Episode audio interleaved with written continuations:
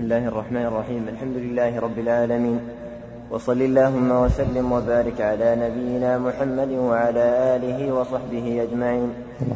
أما بعد فغفر الله لك يقول الإمام مسلم رحمه الله تعالى. حدثنا شيبان بن فروخ قال حدثنا عبد الوارث عن يزيد الرشك قال حدثتني معاذة العدوية أنها سألت عائشة زوج النبي صلى الله عليه وسلم أكان رسول الله صلى الله عليه وسلم أكان رسول الله صلى الله عليه وسلم يصوم من كل شهر ثلاثة أيام.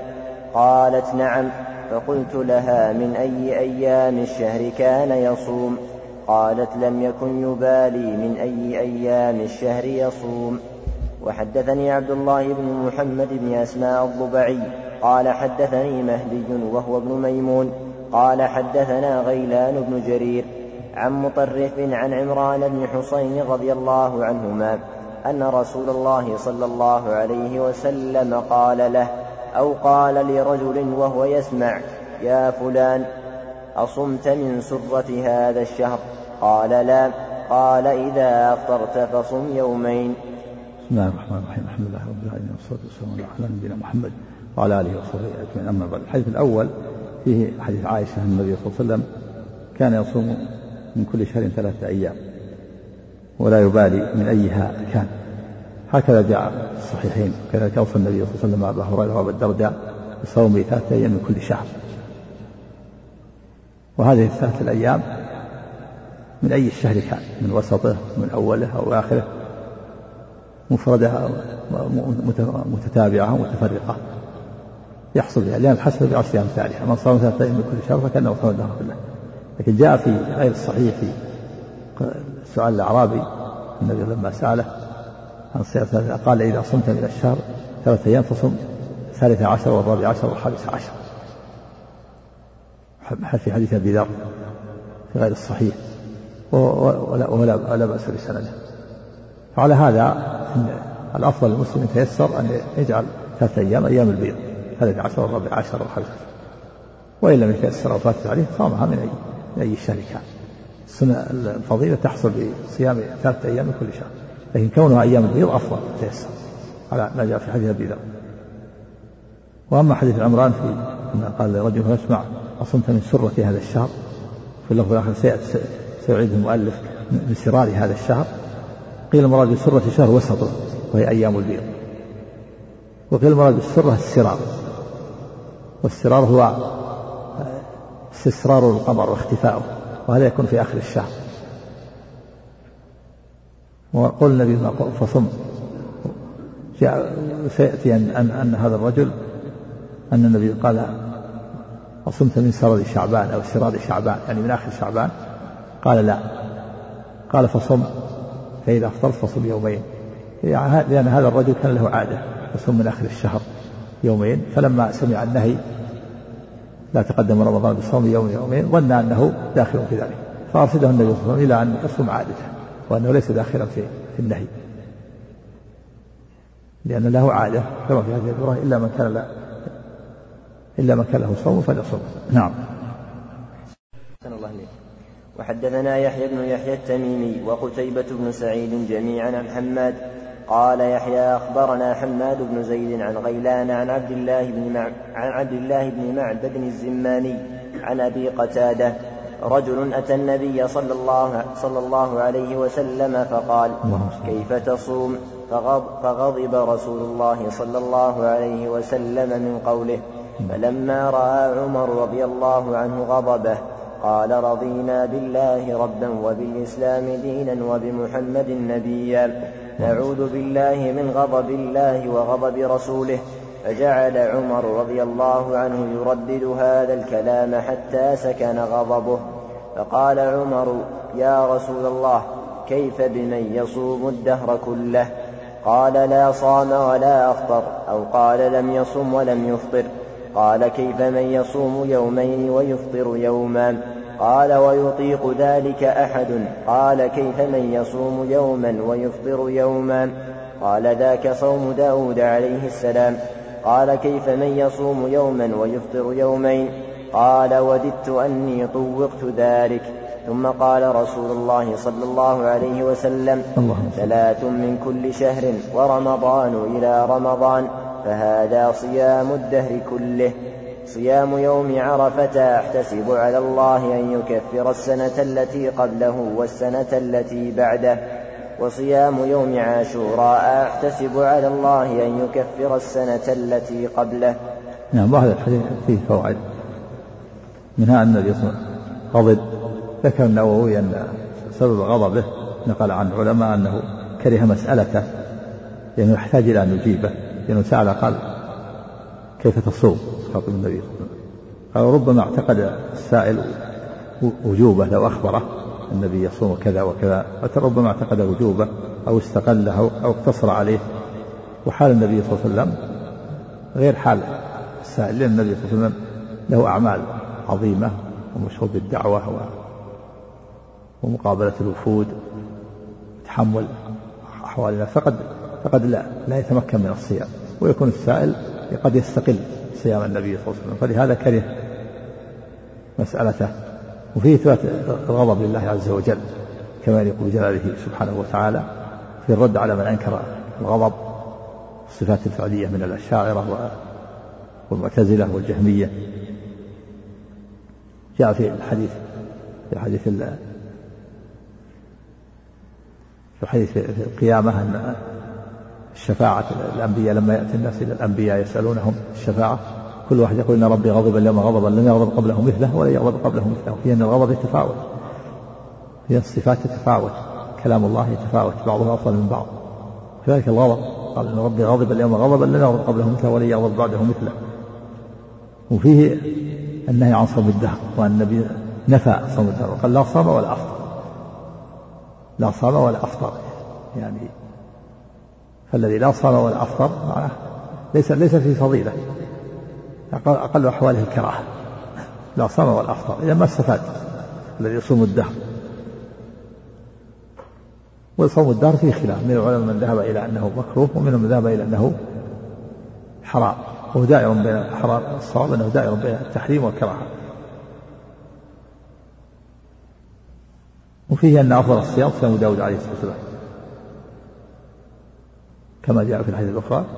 وفيه أن ترغيب النبي صلى الله عليه وسلم في صيام ثلاثة أيام من كل شهر. لأن هذا أرفق للمسلم وهو الذي يستطيع معها أن يقوم بالواجبات الأخرى والأعمال الأخرى. وأن من صام ثلاثة أيام من كل شهر مع صيام رمضان فقد صام الدهر كله لأن الحسنة بعشر ثانية ثلاثة أيام ثلاثين يوم. وفي فضل صيام يوم عرفة. وأن صيام عرفة يكفر الله به ذنوب السنتين السنة التي قبله والسنة التي بعده لمن تقبل الله واجتنب الكبائر. وصيام عاشوراء يكفر الله به الصيام. صيام السنة التي قبله. لمن تقبل الله وأخلص العمل لله وكان وأدى الفرائض وانتهى وابتعد عن الكبائر. نعم. أحسن الله إليك.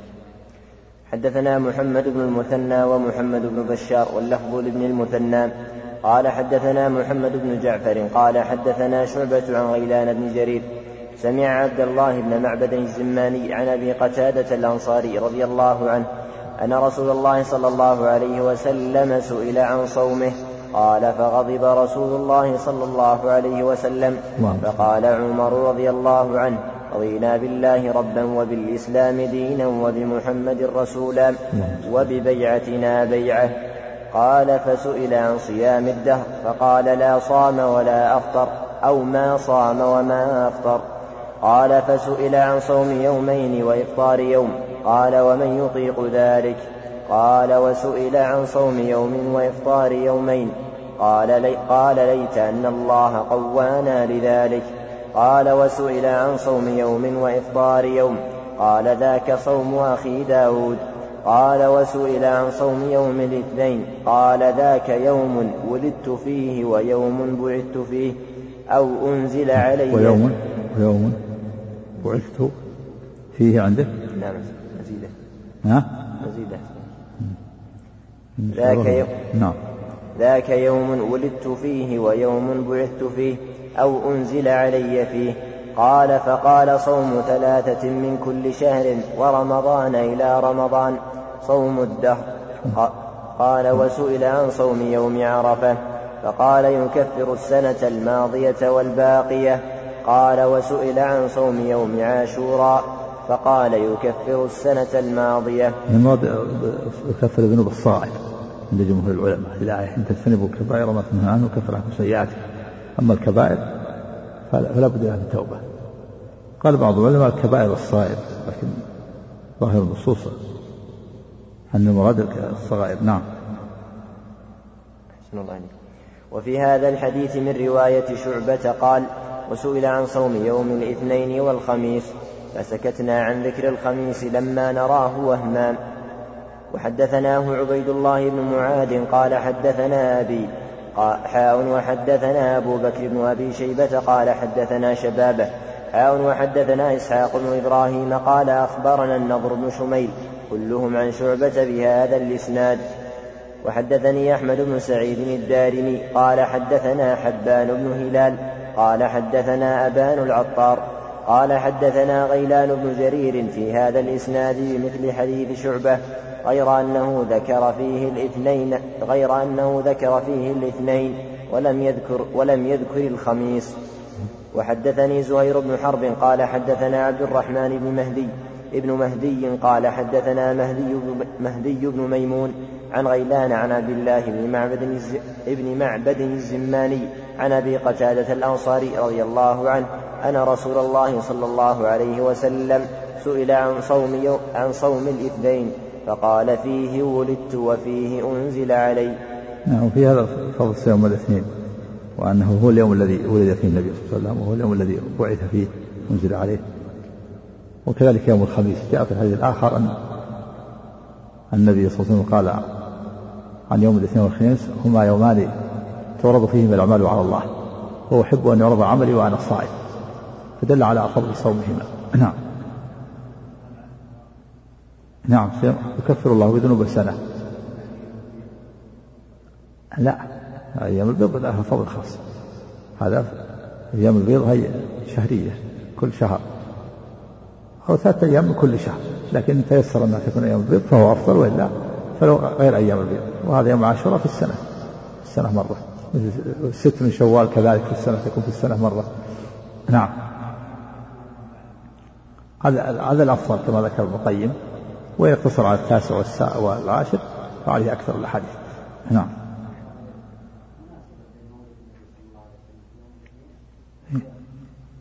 لا هذه الأمور مجتمعة. المراد أنه أن هذه الأمور اجتمعت كلها. الولادة والإنزال والبعثة. لا لا. اجتمعت الأمور كلها. نعم. أحسن الله إليك. وحدثنا هداب بن خالد قال حدثنا حماد بن سلمة عن ثابت عن مطرف ولم أفهم مطرفا من هداب عن عمران بن حسين رضي الله عنهما أن رسول الله صلى الله عليه وسلم قال له أو لآخر أصمت من سرغ شعبان؟ قال لا قال فإذا أفطرت فصم يومين. وحدثنا أبو بكر بن أبي شيبة قال حدثنا يزيد بن هارون عن الجريري عن أبي العلاء عن مطرف عن عمران بن حسين رضي الله عنهما أن النبي صلى الله عليه وسلم قال لرجل هل صمت من سرر هذا الشهر شيئا؟ قال لا. فقال رسول الله صلى الله عليه وسلم فإذا أفطرت من رمضان فصم يومين مكانه. وحدثنا محمد بن المثنى قال حدثنا محمد بن جعفر قال حدثنا شعبة عن ابن أخي مطرف بن الشخير. قال سمعت مطرفا يحدث عن عمران بن حسين رضي الله عنهما أن النبي صلى الله عليه وسلم قال لرجل هل صمت من سرر هذا الشهر شيئا؟ يعني شعبان. قال لا. قال قال فقال له إذا أفطرت رمضان فصم يومين فصم يوما أو يومين.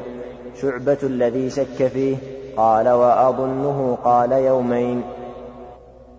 حدثني محمد بن قدامة ويحيى اللؤلؤ ويحيى اللؤلؤي قال أخبرنا النضر قال أخبرنا شعبة قال حدثنا عبد الله بن هانئ ابن, ابن أخي مطرف في هذا الإسناد بمثله. نعم المراد بالسرر في هذا الحديث آخر الشهر في قول أبي عبيد أهل اللغة. سميت بذلك لاستسرار القمر فيها يعني اختفائه. ونقصه. قال بعضهم المراد وسط الشهر وسرار كل شيء وسطه. فما قول بأن المراد سرار الشهر وسطه تكون أيام البيض هي أيام البيض لكن الأشهر كما قال القاضي أن المراد آخر الشهر. وذلك أن هذا الرجل معتاد صيام آخر الشهر اعتاد صيام آخر الشهر. أو أنه نذر. الأقرب أنه اعتاده اعتاد أن يصوم آخر الشهر. فلم يصم آخر الشهر شعبان لما سمع الحديث لما سمع الحديث لا تقدم رمضان بصوم يوم أو يومين. فظن أنه داخل أنه داخل في النهي فسأل فسأله النبي سأله النبي صلى الله عليه وسلم قال يا فلان أما صمت من سر شعبان؟ قال لا يا رسول الله. قال فصوم يومين إذا أفطرت فصوم يومين قضاء يقضيه لأن من كان له عادة مستثنى. من حديث لا تقدم رمضان بصوم يوم أو يومين. هذا هو الأقرب. نعم. أحسن الله إليك. بعد رمضان. قال فإذا افطرت رمضان فصوم يومين. صريح. إذا افطرت رمضان فصوم يوما أو يومين. شعبة الذي شك فيه. نعم. قضاء يقضي. عادته استحباب. من باب الاستحباب. أما إذا كان نذرا فيكون واجب. نعم. عفى الله عنك. حدثني قتيبة بن سعيد قال حدثنا أبو عوانة عن أبي بشر عن حميد بن عبد الرحمن الحميري عن أبي هريرة رضي الله عنه قال قال رسول الله صلى الله عليه وسلم أفضل الصيام بعد رمضان شهر الله المحرم وأفضل الصلاة بعد الفريضة صلاة الليل. وحدثني زهير بن حرب قال حدثنا جرير عن عبد الملك بن عمير عن محمد بن المنتشر عن حميد بن عبد الرحمن عن أبي هريرة رضي الله عنه يرفعه. قال سئل رسول الله صلى الله عليه وسلم. أي الصلاة أفضل بعد المكتوبة وأي الصيام أفضل بعد شهر رمضان. فقال أفضل الصلاة بعد الصلاة المكتوبة الصلاة في جوف الليل وأفضل الصيام بعد شهر رمضان صيام شهر الله المحرم. وحدثنا أبو بكر بن أبي شيبة قال حدثنا حسين بن علي عن زائدة عن عبد الملك بن عمير بهذا الإسناد. في ذكر الصيام عن النبي صلى الله عليه وسلم بمثله. نعم وهذا في في حديثه بيان فضل أفضل الصلاة وأفضل الصيام. فأفضل الصلاة بعد الفريضة صلاة الليل. وأفضل الصيام بعد رمضان الصيام من الشهر المحرم. ولو شهر الله المحرم الإضافة للتشريف أضيف إلى الله التشريف. كما أضيفت الناقة قال ناقة الله وعبد الله ورسول الله وعيسى روح الله روح من الروح التي خلقها. أضيف إلى الله للتشريف والتكريم. نعم. وبيان فضله. نعم. الله عليك. حدثنا حدثنا يحيى بن أيوب وقتيبة بن سعيد وعلي بن حجر جميعا عن إسماعيل قال ابن أيوب حدثنا إسماعيل بن جعفر قال أخبرني سعد بن سعيد سعد بن سعيد بن قيس عن عن عمر بن ثابت بن الحارث الخزرجي عن أبي أيوب الأنصاري رضي الله عنه أنه حدثه أن رسول الله صلى الله عليه وسلم قال من صام رمضان ثم أتبعه ستا من شوال كان كصيام الدهر. وحدثنا ابن نمير قال حدثنا أبي قال حدثنا سعد بن سعيد أخو يحيى بن سعيد قال أخبرنا عمر بن ثابت قال أخبرنا أبو أيوب الأنصاري رضي الله عنه قال سمعت رسول الله صلى الله عليه وسلم يقول بمثله وحدثناه أبو بكر بن أبي شيبة قال حدثنا عبد الله بن المبارك عن سعد بن سعيد قال سمعت عمر بن ثابت قال سمعت أبا أيوب رضي الله عنه يقول قال رسول الله صلى الله عليه وسلم بمثله. وهذا الحديث فيه استحباب صيام ستة أيام من شوال. وسواء كانت متفرقة أو أو متتابعة في أول الشهر أو وسطه أو آخره لأن هذا يصدق عليه أنها أتباع أتباع رمضان بست من شوال. وإذا بادر وصامها بعد بعد العيد فهذا حسن. فهي مستحبة. وفيه أن أن صيام ست مع بعد رمضان كصيام الدهر لأن حسن بعشر أمثالها رمضان بعشرة أشهر وستة أيام بشهرين. فهي مستحبة. قال مالك رحمه الله مذهب المالكية إلى أنه يكره صيام ستة أيام من شوال. وهذا لعل مالك لم يبلغ الحديث. من بلغه فهو حجة عليه. وكم من حديث فات مالك وغيره رحمه الله. وإذا كفات هذا على الأئمة فغيرهم من باب أولى. كم يفوت عليهم من الأحاديث؟ نعم. الله إليك. نعم. وحدثنا يحيى بن يحيى قال قرأت على مالك عن نافع عن ابن عمر رضي الله عنهما أن رجالا مالك يقول يكره صيام ستة من شوال لئلا يظن وجوبها لئلا يظن وجوبها التعليل يعني محمول على أنه ما بلغه النص نعم. عفى الله عنك. وحدثنا يحيى بن يحيى قال قرأت على مالك عن نافع عن ابن عمر رضي الله عنهما أن رجالا من أصحاب النبي صلى الله عليه وسلم أروا ليلة القدر في المنام في السبع الأواخر. فقال رسول الله صلى الله عليه وسلم أرى رؤياكم قد تواطأت في السبع الأواخر فمن كان متحريها فليتحرها في السبع الأواخر. يعني تواطأت توافقت. يعني الرجال أروا هذه الليلة ففي دليل على السبع الأواخر أرجى ليلة القدر من غيرها.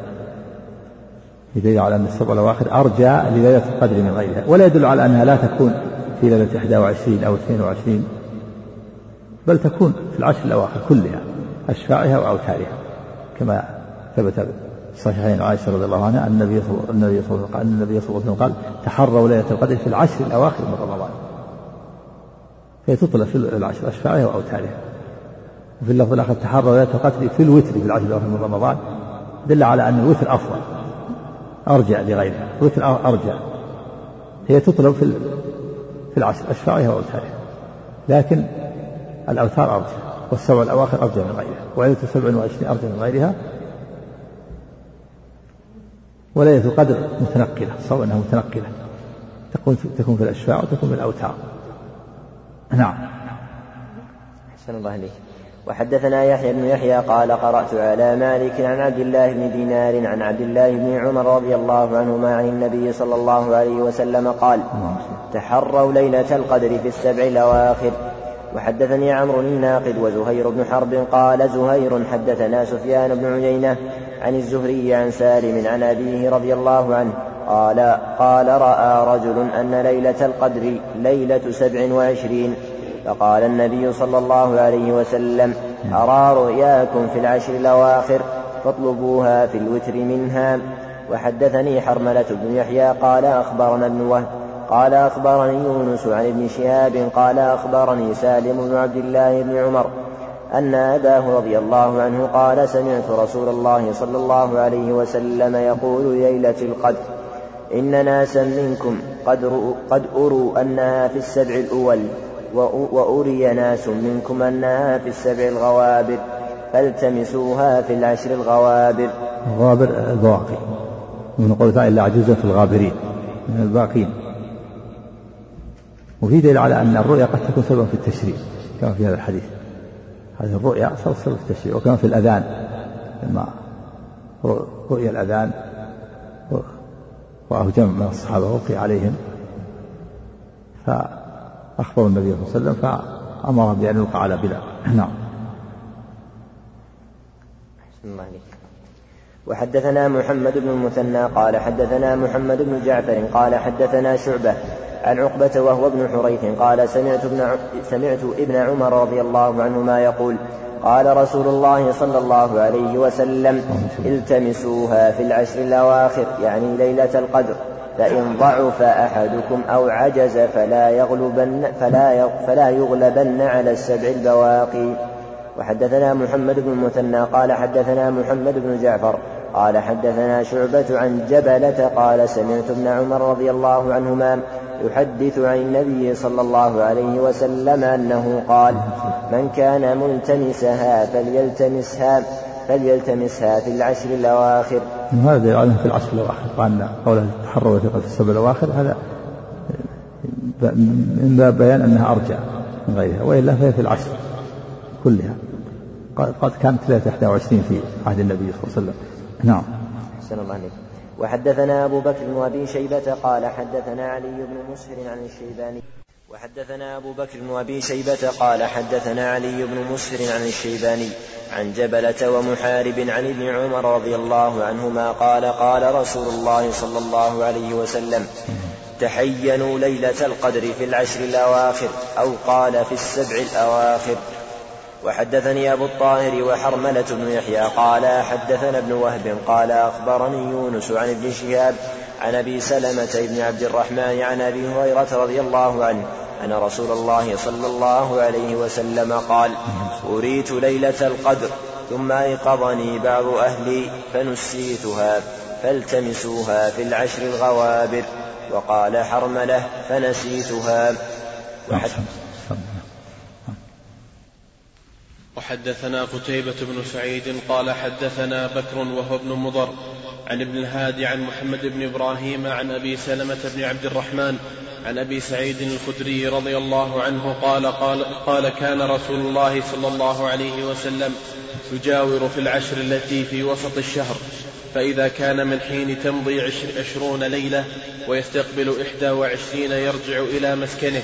ويرجع من كان يجاور معه ثم إنه أقام في شهر جاور فيه تلك الليلة التي كان يرجع فيها فخطب الناس فأمرهم بما شاء الله ثم قال إني كنت أجاور هذه العشر ثم بدا لي أن أجاور هذه العشر الأواخر فمن كان اعتكف معي فليبت فليبت في معتكفه وقد رأيت هذه الليلة فأنسيتها. فالتمسوها في العشر الأواخر في كل وتر وقد رأيتني أسجد في ماء وطين.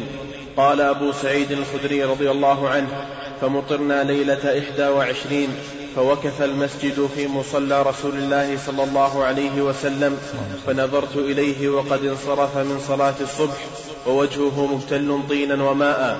نعم قوله جاور يعني يعتكف. كان النبي صلى الله عليه وسلم يجاور العشر الأوسط يعني يعتكف. كان يعتكف العشر الأوسط من رمضان. يطلب ليلة القدر. ثم لما خرج من المعتكفة بعد أن مضت عشرون ليلة أعلمه الله بأنه في العشر الأواخر. فخطب الناس وأخبرهم قال من أحب أن يرجع إلى معتكفة فليرجع. وإني كنت أجاور ثم بدأ لي أن أجاور في العشر الأواخر.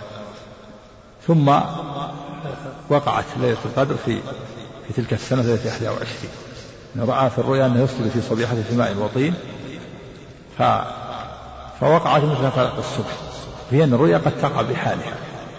وصارت ليلة 21 ووقف المسجد فانصرف النبي صلى الله عليه وسلم من صبح 21 وعلى جبهته الماء والطين. فدل على أن في تلك السنة صارت 21 لكن ليست ثابتة تتنقل. نعم.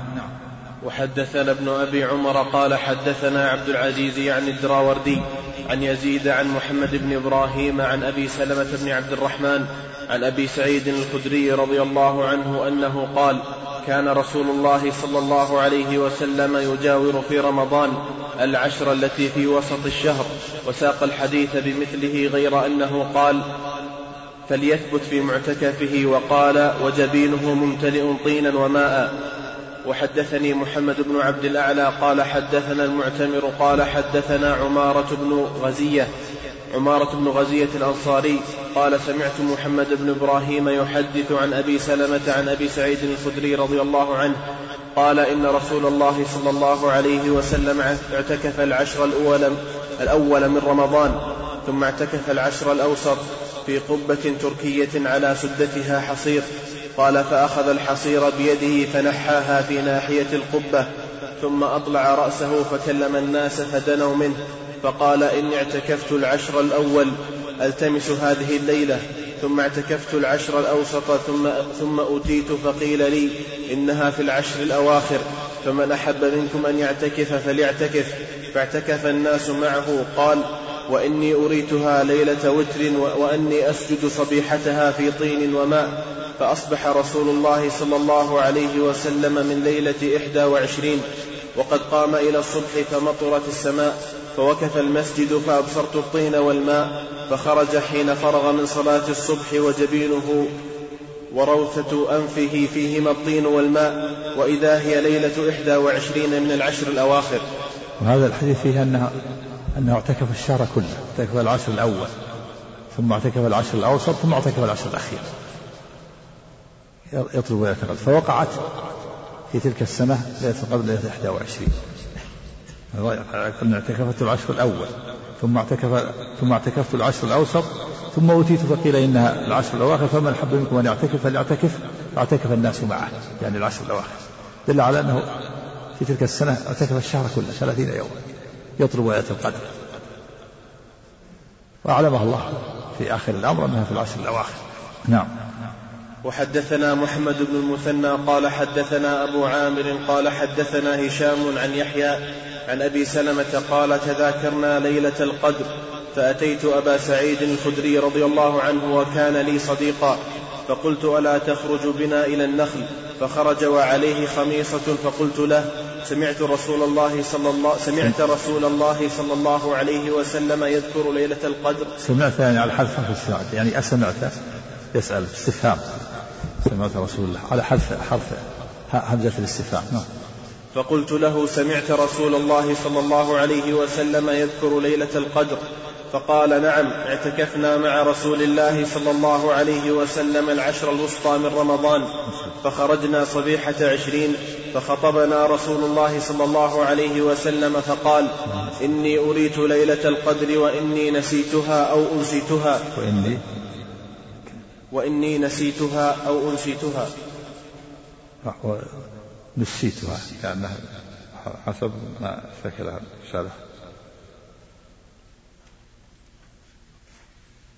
لعله نسيتها أو نسيتها نعم. قال وإني نسيتها أو أنسيتها فالتمسوها في العشر الأواخر من كل وتر وإني رأيت أني أسجد في ماء وطين فمن كان اعتكف مع رسول الله فليرجع. قال فرجعنا وما نرى في السماء قزعة. قال وجاءت سحابة فمطرنا حتى سال سقف المسجد وكان من جريد النخل وأقيمت الصلاة. فرأيت رسول الله صلى الله عليه وسلم يسجد في الماء والطين. قال حتى رأيت أثر الطين الطين في جبهته. وحدثنا عبد بن, عبد بن حميد قال أخبرنا عبد الرزاق قال أخبرنا معمر حاء وحدثنا عبد الله بن عبد الرحمن الدارمي. قال حدثنا أبو المغيرة قال حدثنا الأوزاعي كلاهما عن يحيى بن أبي كثير بهذا الإسناد نحوه وفي حديثهما رأيت رسول الله صلى الله عليه وسلم حين انصرف وعلى جبهته وأرنبته أثر الطين.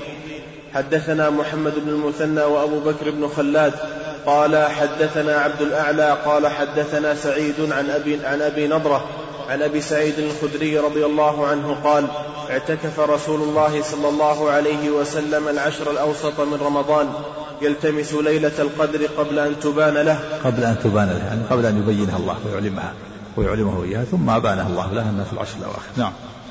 قال فلما انقضينا أمر بالبناء فقوض. ثم خيمة. البناء خيمة. ضربت له خبأ ضرب له في المسجد. نعم. ليس المراد بناء انه بنى غرفة لا. المراد الخباء الذي ضرب له نعم قال ثم أبينت له أنها في العشر الأواخر فأمر بالبناء فأعيد يعني ثم خرج. خباء أعيد مرة ثانية بعد أن قوضه انتهى من الاعتكاف لما بين الله لنا العشر الأواخر أمر بالخباء فأعيد مرة ثانية. فاعتكف العشر الأواخر. نعم. قال ثم خرج على الناس فقال يا أيها الناس إنها كانت أبينت لي ليلة القدر وإني خرجت لأخبركم بها فجاء رجلان يحتقان معهما الشيطان فنسيتها فالتمسوها في العشر الأواخر من رمضان والتمسوها في التاسعة والسابعة والخامسة. قال قلت يا أبا سعيد إنكم أعلم بالعدد منا. قال أجل نحن أحق بذلك منكم. قال قلت ما التاسعة والسابعة والخامسة؟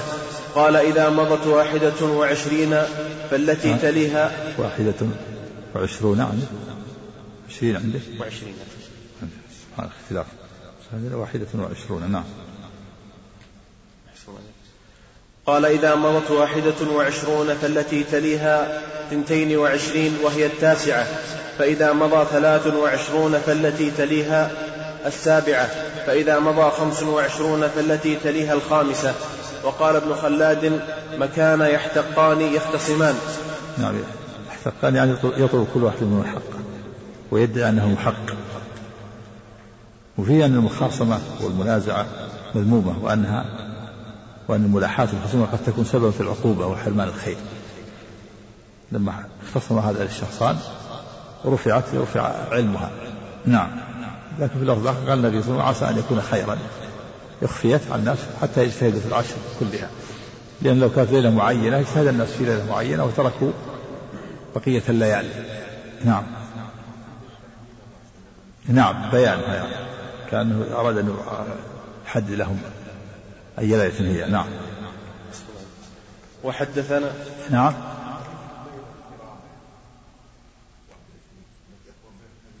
لا. نعم. محتمل إنها هي محتمل. نعم. نعم. وحدثنا سعيد بن عمرو بن سهل بن إسحاق بن محمد بن الأشعث بن قيس الكندي وعلي بن خشرم قال حدثنا أبو ضمرة قال حدثني الضحاك بن عثمان وقال ابن خشرم عن الضحاك بن عثمان عن أبي النضر مولى عمر بن عبيد عن بسر بن سعيد عن عبد الله بن أنيس رضي الله عنه أن النبي صلى الله عليه وسلم قال أريت ليلة القدر ثم أنسيتها وأراني صبح وأراني صبحها أسجد في ماء وطين. قال فمطرنا ليلة ثلاث وعشرين فصلى بنا رسول الله صلى الله عليه وسلم فانصرف وإن أثر, وإن أثر الماء والطين على جبهته وأنفه. قال وكان عبد الله بن أنيس يقول ثلاث وعشرون. هذا في فيه أنها صارت تلك السنة ليلة 23 يحتمل أنها تعدلت في حديث أبي سعيد أنها ليلة 21 نعم. حدثنا أبو بكر بن أبي شيبة قال حدثنا ابن نمير ووكيع عن هشام عن أبيه عن عائشة رضي الله عنها قالت قال رسول الله صلى الله عليه وسلم قال ابن نمير التمسوها وقال وكيع تحروا ليلة القدر في العشر الأواخر من رمضان. وحدثنا محمد بن حاتم وابن أبي عمر كلاهما عن ابن عيينة قال ابن حاتم حدثنا سفيان بن عيينة عن عبدة وعاصم بن, عاصم بن أبي النجود. سمع زر, زر, زر بن حبيش يقول سألت أبي بن كعب رضي الله عنه فقلت إن أخا ابن مسعود يقول من يقم من يقم من يقم الحول؟ فقلت إن أخاك ابن مسعود. ما عليك كاف خطأ خطأ المطبعة هذه عندك الطبعة إن أخاك خاطب يعني أخاك أخا أبي يعني أخوه في, في, في الإسلام. نعم. فقلت إن أخاك ابن مسعود يقول من يقم الحول يصب ليلة القدر. فقال رحمه الله أراد أن لا يتكل الناس أما إنه قد علم أنها في رمضان وأنها في العشر الأواخر وأنها ليلة سبع وعشرين ثم حلف لا يستثني أنها ليلة سبع وعشرين. فقلت بأي شيء تقول ذلك يا بأي شيء تقول ذلك يا أبا المنذر؟ فقال بالعلامة أو بالآية التي أخبرنا رسول الله صلى الله عليه وسلم أنها تطلع يومئذ لا شعاع لها. نعم وهذا اجتهاد ابن أبي رضي الله عنه. كان يرى أنها 27 ويحلف. اجتهاد منها منه. أبو المنذر كنية أبي كنية أبو المنذر. وفيه عن أن من علامتها أن تطلع الشمس صبيحتها ليس لها شعاع. نعم. صبيحة ليلة وعشرين صبيحة ليلة القدر تطلع الشمس لا شعاع لها. نعم. قيل ل... لأن هذا علامة جعل الله. عليه وقال بعضهم من كثرة الملائكة الذين الأنوار أنوار أجنحتهم تمنع الشعاع. نعم. وحدثنا محمد بن المثنى قال حدثنا محمد بن جعفر قال حدثنا شعبة قال سمعت عبدة بن أبي, لب... أبي لبابة يحدث عن زر بن حبيش عن أبي بن كعب رضي الله عنه قال قال أبي في ليلة القدر والله إني لأعلمها قال شعبة وأكبر علمي هي الليلة التي أمرنا رسول الله صلى الله عليه وسلم بقيامها هي ليلة سبع وعشرين.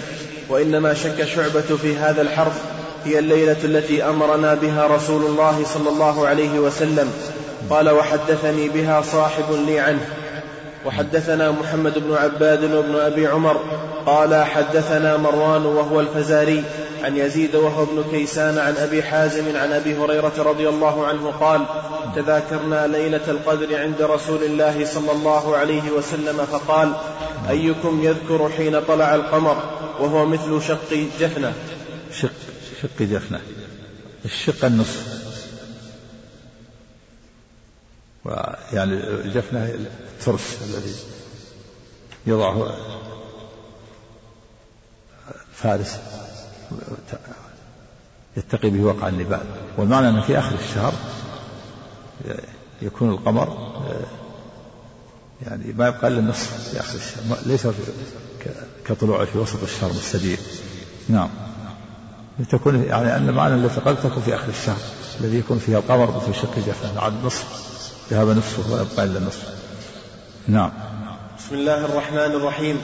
كتاب الاعتكاف. حدثنا عندك بسملة؟ ما ما في بسملة. هذا البخاري. ما ما في بسملة. كتاب بس الكتاب والاعتكاف هذا. نعم.